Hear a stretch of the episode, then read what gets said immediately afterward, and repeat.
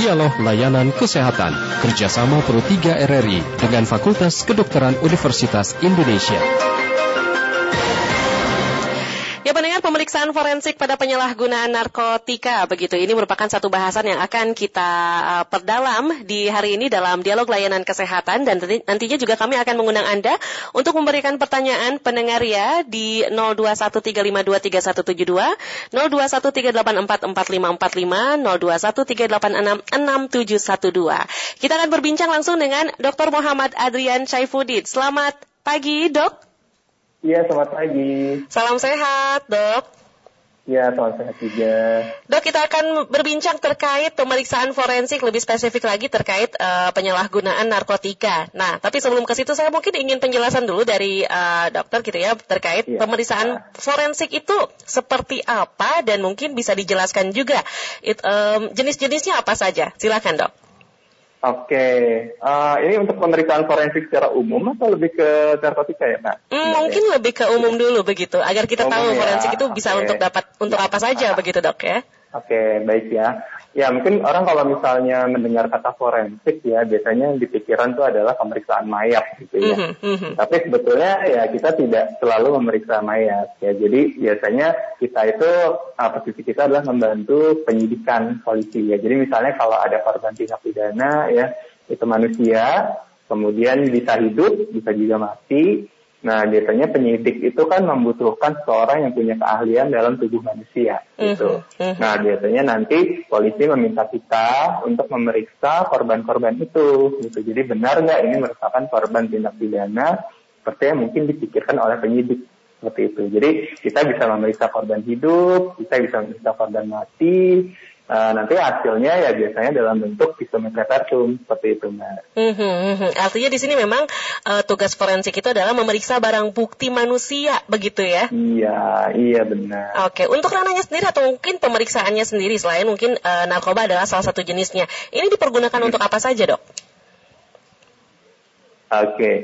Uh, Oke, okay, untuk uh, pemeriksaan narkotika ya, jadi kalau biasanya forensik itu dalam pemeriksaan narkotika, mm -hmm. ya, mm-hmm. kan Uh, kalau misalnya kita merujuk ke undang-undang ya, jadi yeah. kan di undang-undang 433 ayat 1 itu disebutkan jadi bahwa dalam hal penyidik untuk kepentingan peradilan menangani seorang korban baik luka, keracunan ataupun mati yang diduga karena peristiwa merupakan tindak pidana, uh-huh. dia berwenang mengajukan permintaan keterangan ahli kepada ahli kedokteran kehakiman atau dokter atau ahli lainnya. Uh-huh. Nah, jadi kita di sini posisinya sebagai ahli kedokteran kehakiman Uh, dan itu dijelaskan kan, jadi kalau ada kata kuncinya itu tadi itu keracunan. Ya. Mm-hmm. Jadi kalau misalnya diduga keracunan, ya keracunan kan bisa macam-macam ya. Bisa Betul. salah satunya adalah narkotika dan psikotropika. Mm-hmm. Ya itu juga akhirnya kita sebagai dokter kita wajib untuk memeriksa. Jadi untuk membuktikan ini benar nggak sih ini ada apa uh, dugaan keracunan dari narkotika dan psikotropika seperti mm-hmm. itu. Mm-hmm. Jadi memang harus diketahui dulu laporannya seperti apa begitu ya dok ya? Iya. Uh, hmm, ingin dicari tahu racun apa yang masuk dalam tubuh kita atau mungkin juga uh, kekerasan pada bagian tubuh tertentu juga ini dapat dilihat dari uh, uji forensik begitu dok? Iya, uh, ya. Jadi kalau forensik itu juga biasanya kita menilai kalau misalnya korban-korban hidup ya, mm-hmm. kan misalnya ada korban-korban penganiayaan gitu ya, biasanya kita akan melihat uh, kita akan memeriksa ada luka-lukanya atau enggak ya. Jadi kalau misalnya ada luka-lukanya nanti kita kan harus mendeskripsikan secara teliti ya. Jadi luka-luka itu uh, deskripsi seperti apa terus kemudian nanti kita interpretasi dalam visum itu. Jadi luka-lukanya disebabkan oleh apa? Mm. misalnya akibat kekerasan tumpul atau akibat kekerasan tajam seperti itu. Begitu mm. juga dengan uh, korban mati ya atau jenazah. Biasanya kita kan kita lihat dulu ini ada luka-lukanya atau enggak ya kalau misalnya ada luka-lukanya kita pikirkan bahwa ini matinya tidak wajar gitu. mm -hmm. baru setelah mm -hmm. kita bisa pikirkan ini tidak ada luka mungkin kita juga periksa tidak ada keracunan baru kita mungkin pikirkan ini matinya ke arah mati wajar gitu mm -hmm. misalnya mati karena penyakit seperti itu mm -hmm. lalu apa nih yang membedakan proses pemeriksaan antara manusia yang memang masih hidup dan juga uh, jasad mm. yang sudah meninggal dok ya Nah, tentunya untuk uh, pemeriksaan korban hidup sendiri itu kan uh, kita kalau pemeriksaan itu kan biasanya tergantung uh, dari undang-undangnya ya, Mbak ya. Uh-huh. Jadi kalau undang-undangnya itu biasanya untuk kekerasan yang pada manusia uh, pada korban hidup tuh biasanya uh, penganiayaan ya. Jadi penganiayaan biasanya kita uh, periksa luka-lukanya, terus kemudian kita uh, pergi ke dalam ini lukanya luka ringan uh-huh. atau luka sedang atau luka berat ya. Jadi nanti karena kalau misalnya kita bisa membagi ini luka ringan, sedang atau berat, nanti di pengadilan itu vonis uh, untuk si tersangka atau mungkin si orang yang yang dipidana itu itu bisa berbeda seperti hmm. itu. Mm-hmm. Ya, hmm. kemudian juga misalnya nanti ada juga yang namanya misalnya kegiatan susila gitu ya. Kita harus bisa memastikan adanya kegiatan susila seperti itu ya.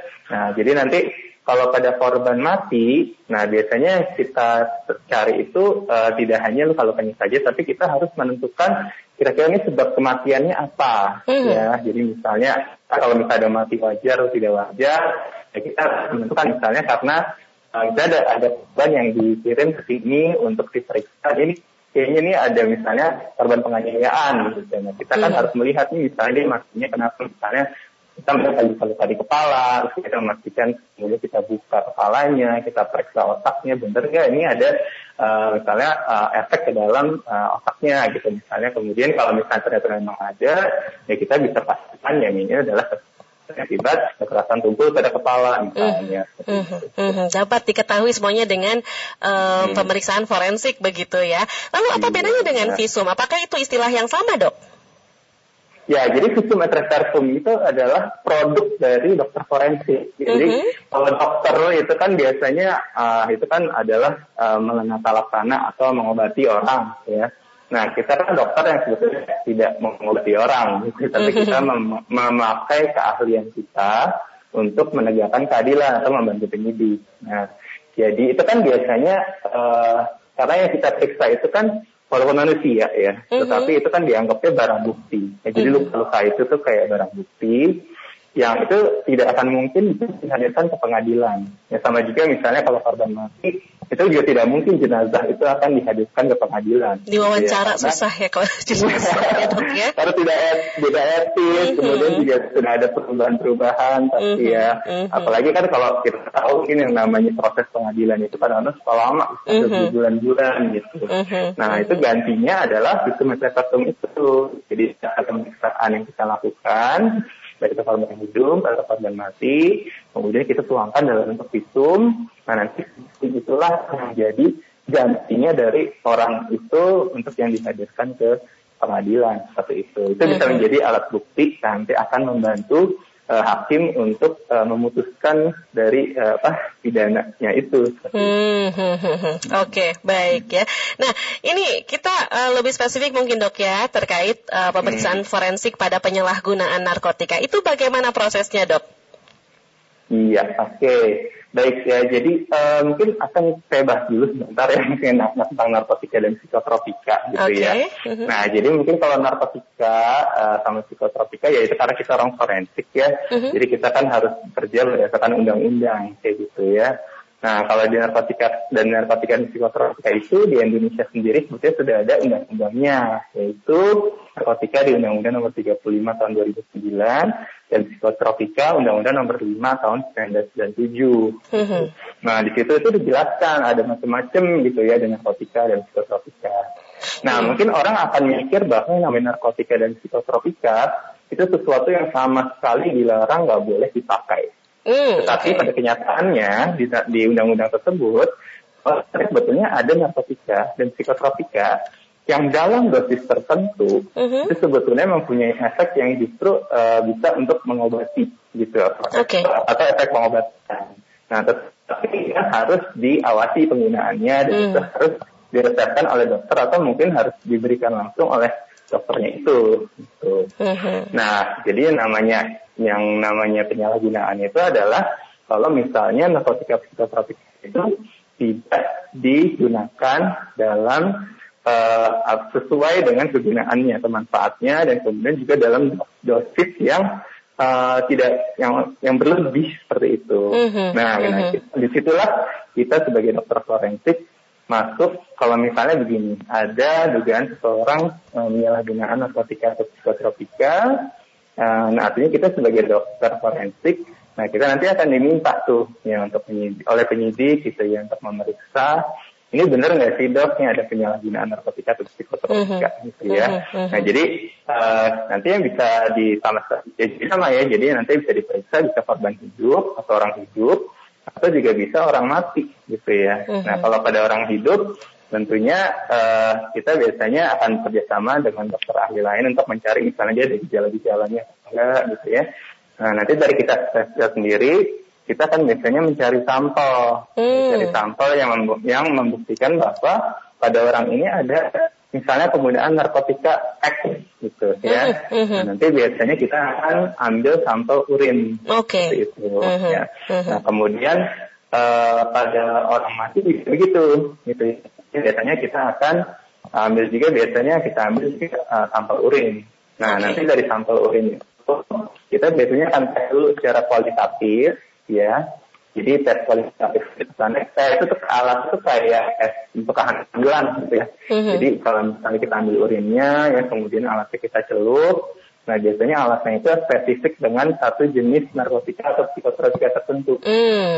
Nah, nanti kalau misalnya ternyata kalau tes kehamilan kan biasanya kalau garisnya dua itu positif ya. Mm -hmm. Tapi kalau alat ini biasanya kalau garisnya satu, nah itu justru positif. Oke okay, ya. Yeah. Nah nanti biasanya kalau dicelupin alatnya, terus kemudian eh, alatnya dicelup ke urin, kemudian nanti kita lihat ternyata oh garisnya ada artinya dia positif dia memakai narkotika atau psikotropika mm-hmm. jenis yang tertentu jadi yang sesuai pada alat itu semua ada guidance-nya begitu ya untuk menunjukkan iya. ini narkotika mana yang dipakai begitu ya iya oke okay. iya. oke okay, baik dok ini ada penelpon pertama kita dari Boyolali ada Pak Udin dok ya kita sapa dulu selamat iya. pagi Pak Udin Selamat pagi, Assalamualaikum warahmatullahi wabarakatuh. Waalaikumsalam warahmatullahi wabarakatuh. Pak Udin silakan.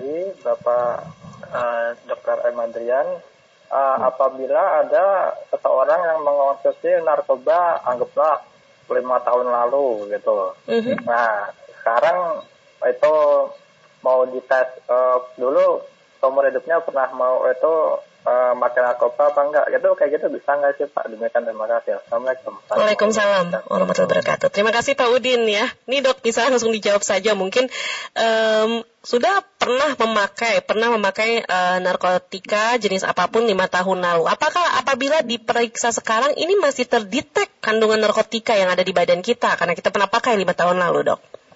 Iya baik. Uh, jadi yang namanya narkotika dan psikotropika itu kan mirip kayak obat ya. Mm-hmm. Jadi dia kalau misalnya masuk ke tubuh, uh, nanti dia akan di metabolisme, ya nanti kemudian juga uh, mungkin uh, setiap narkotika atau psikotropika itu memiliki uh, waktu tertentu untuk dikeluarkan dari tubuh. Mm-hmm. Seperti itu mm-hmm. ya. Ada yang misalnya dalam 24 jam dia udah keluar semuanya, ada yang membutuhkan waktu lebih lama. Tetapi biasanya sih kalau udah sampai lima tahun ya, biasanya sih udah nggak ditemukan lagi tuh narkotika psikototika gitu. Mm -hmm. Jadi kalau misalnya udah tes urin pun juga biasanya hasilnya negatif. Negatif ya. Kan, tapi memang kalau boleh tahu berapa lama nih um, ada efeknya begitu? Nah, mungkin efeknya tergantung ya, tergantung dari um, topika ya. Mm -hmm. Tapi biasanya dalam rata-rata ya hampir hampir sebagian besar itu antara 24 jam sampai 48 jam. Oke. Okay. Narkotika dan psikotropika itu sudah dikeluarkan semuanya dari tubuh. Mm-hmm, Oke, okay. baik, not ya. Dok, ada penelpon selanjutnya dari Sorong, ada Pak Ramadan. Selamat pagi, Pak Ramadan. Ya, selamat pagi, Mbak Cindy ya. Iya, silahkan, Pak ya, Ramadan. Selamat pagi, dok. Ya, ini ilmu kedokteran forensik ya, atau ilmu kedokteran kehakiman ya. Menggunakan ya, ilmu kedokteran ya, untuk kepentingan peradilan kan, Pak ya. Nah, iya benar Pak. Pertanyaan saya, uh, sampai berapa lama atau hampir sama dengan pertanyaan yang tadi pendengar sebelumnya, atau dia ada waktu ya suatu uh, kasus misalnya seorang diduga meninggal akibat menegak apa itu uh, sianida misalnya katakanlah uh mhm. -huh. itu sianida. Uh mhm. -huh. Berapa lama sebenarnya bisa dideteksi? Misalnya sudah tiga bulan, enam bulan masih bisa kah? Atau terus berapa gram bisa membunuhnya mm-hmm. sebanyak berapa gram yang kedua begitu pula uh, overdosis narkotika ya mm-hmm. itu berapa gram bisa membunuh seseorang mm-hmm. dan berapa mm-hmm. lama bisa dideteksi ulang masih bisa dideteksi selama berapa jeda berapa lama waktunya gitu dok. Mm-hmm. Ya. Oke. Okay. Terima kasih itu aja mas Andi ya. Oke okay. baik terima kasih. Waalaikumsalam warahmatullahi wabarakatuh Pak Ramadan. Silakan langsung dijawab dok pertanyaan Pak Ramadan. Ya. Mm-hmm. Baik, ya terima kasih Pak Ramadan untuk pertanyaannya. Uh, jadi kalau tadi mungkin saya mungkin lebih banyak menjelaskan tentang korban hidup seperti itu ya. Mm-hmm. Nah ini kalau yang seperti ini kasusnya sebenarnya korban mati ya. Mm. Kalau korban mati itu kan dia biasanya dia tidak akan diekspresikan gitu ya. Jadi dia akan tetap berada dalam tubuh. Nah itu biasanya uh, itu tergantung dari proses perubahan yang terjadi pada tubuh uh-huh. ya. Nah biasanya tubuh itu kan dia akan mulai pembusukan itu sekitar 24 sampai 48 jam. Uh-huh. Ya jadi yang 24 sampai 48 jam juga jadi uh, apa yang uh, struktur kimia segala macam yang ada di tubuh itu nanti bisa berubah ya. Nah nanti mungkin sianida misalnya ada apa ya ya saya tidak menjelaskan tentang sianida sebetulnya karena sianida bukan narkotika tropika ya. Yeah. Tapi misalnya kalau narkotika atau psikotropika gitu ya, uh, biasanya kalau sudah membusuk, nah itu akan sulit untuk dideteksi. Oke. Okay. Gitu. Jadi biasanya akan uh, untuk misalnya menjadi positif gitu, nah itu biasanya suka sulit walaupun mm -hmm. sudah diambil misalnya urin atau darah gitu. Jadi memang semakin lama uh, jarak antara pemeriksaan dengan kematian kemungkinan untuk terdeteksinya narkotika atau psikotropika itu positif biasanya akan semakin sulit. Gitu. Mm -hmm, baik. Nah itu biasa jadi tergantung dari kondisi dari tubuh. Oke, okay. baik. Tapi dok penasaran saya kan memang mm -hmm. uh, kita melihat begitu banyak sekali tes untuk mengetahui positif atau negatif penggunaan narkoba begitu ya menggunakan tes urin. Selain urin, apakah misalkan dengan kuku atau kulit jaringan kulit kita ataupun rambut itu bisa diketahui dan dideteksi, dokter? Uh, ya, nah itu biasanya untuk uh, penggunaan yang biasanya dalam jangka waktu yang lama dan sudah sangat sering, uh -huh. ya. Mm-hmm. Tetapi itu biasanya, uh, misalnya kayak tadi ya, mungkin kalau untuk uh, penggunaan, misalnya keracunan uh, arsen atau cyanida dan ya, zat kimia seperti itu ya. Tapi itu biasanya di luar narkotika dan psikotropika ya, -huh. seperti -huh. itu. Nah, -huh. itu. Itu bisa, tapi untuk narkotika dan psikotropika biasanya sih kita cari dari uh, urin atau biasanya mungkin darah bisa darah, juga bisa ya? korban mati. Ya. Mm-hmm. Nah, kemudian kalau bisa pada korban mati itu justru yang bisa diambil juga uh, kita bisa ambil sedikit dari hati ya mm. karena bisa kan metabolisme segala macam zat yang masuk ke tubuh kita itu kan biasanya di hati Nah, hmm. jadi karena kita ambil juga mungkin sebagian kecil saja, kita tidak satu. Tidak semuanya ya. Hatinya kita ambil gitu. Nanti kita lihat juga ada atau ada atau tidak zat itu. Oke okay, oke. Okay. Baik nah, dok, mungkin kita masuk ke sesi kesimpulan untuk perbincangan kita hari ini terkait pemeriksaan forensik pada penyalahgunaan narkoba. Silakan, ya. dokter. Ya, Oke okay, ya, jadi mungkin seperti diketahui ya, jadi yang namanya narkotika psikotropika uh, itu kita uh, ada undang-undangnya di Indonesia, gitu ya. Jadi kita sebagai dokter forensik kita juga uh, itu berdasarkan uh, untuk memenuhi uh, peraturan perundang-undangan ini gitu ya. Nah makanya kenapa garis bawahnya itu sebetulnya adalah penyalahgunaan. Jadi penggunaan narkotika dan psikotropika yang itu sebetulnya disalahgunakan. Nah nanti kita sebagai dokter forensik uh, kita biasanya diminta oleh penyidik untuk memeriksa ini benar nggak sih dok ada penyalahgunaan narkotika atau psikotropika uh-huh. ya dengan caranya seperti apa ya kita bisa mengambil sampel seperti itu tadi sudah saya jelaskan ya uh-huh. tapi kadang-kadang pun ya, misalnya kalau ada korban-korban yang misalnya korban mati ya misalnya yang masih mendadak dalam usia produktif gitu ya kemudian tidak ada riwayat penyakit dan tidak ada luka-lukanya nah, kita mungkin bisa curiga juga jangan-jangan misalnya dia ada kemungkinan matinya akibat uh, toksik di apa toksikologi ya misalnya hmm. narkotika topika nah kadang-kadang hal korban-korban seperti itu atau jenazah-jenazah seperti itu misalnya kita bisa ambil juga urin hmm. atau darahnya seperti itu hmm. jadi untuk jaga jangan-jangan nanti ada permintaan visum yang belakangan hmm. nah, kita udah punya sampelnya nih gitu oke okay. oke okay. baik dok terima kasih banyak sudah berbincang dengan Pro 3 pagi hari ini dok Ya, oke. Okay. Terima kasih. Ya, semoga perbincangan kita kali ini bermanfaat untuk masyarakat, khususnya pendengar Pro 3 RRI. Terima kasih banyak, Dok. Selamat ya, pagi. Ya, ya, ya selamat pagi. Semoga membantu. Terima kasih. Iya baik, pendengar baru saja kita berbincang bersama Dr. Muhammad Adrian Caifuddin terkait pemeriksaan forensik pada penyalahgunaan narkotika dalam dialog layanan kesehatan. Demikian dialog layanan kesehatan kerjasama Pro 3 RRI dengan Fakultas Kedokteran Universitas Indonesia. Acara ini bisa Anda dengarkan setiap Senin sampai dengan Jumat pukul 9.30 waktu Indonesia Barat.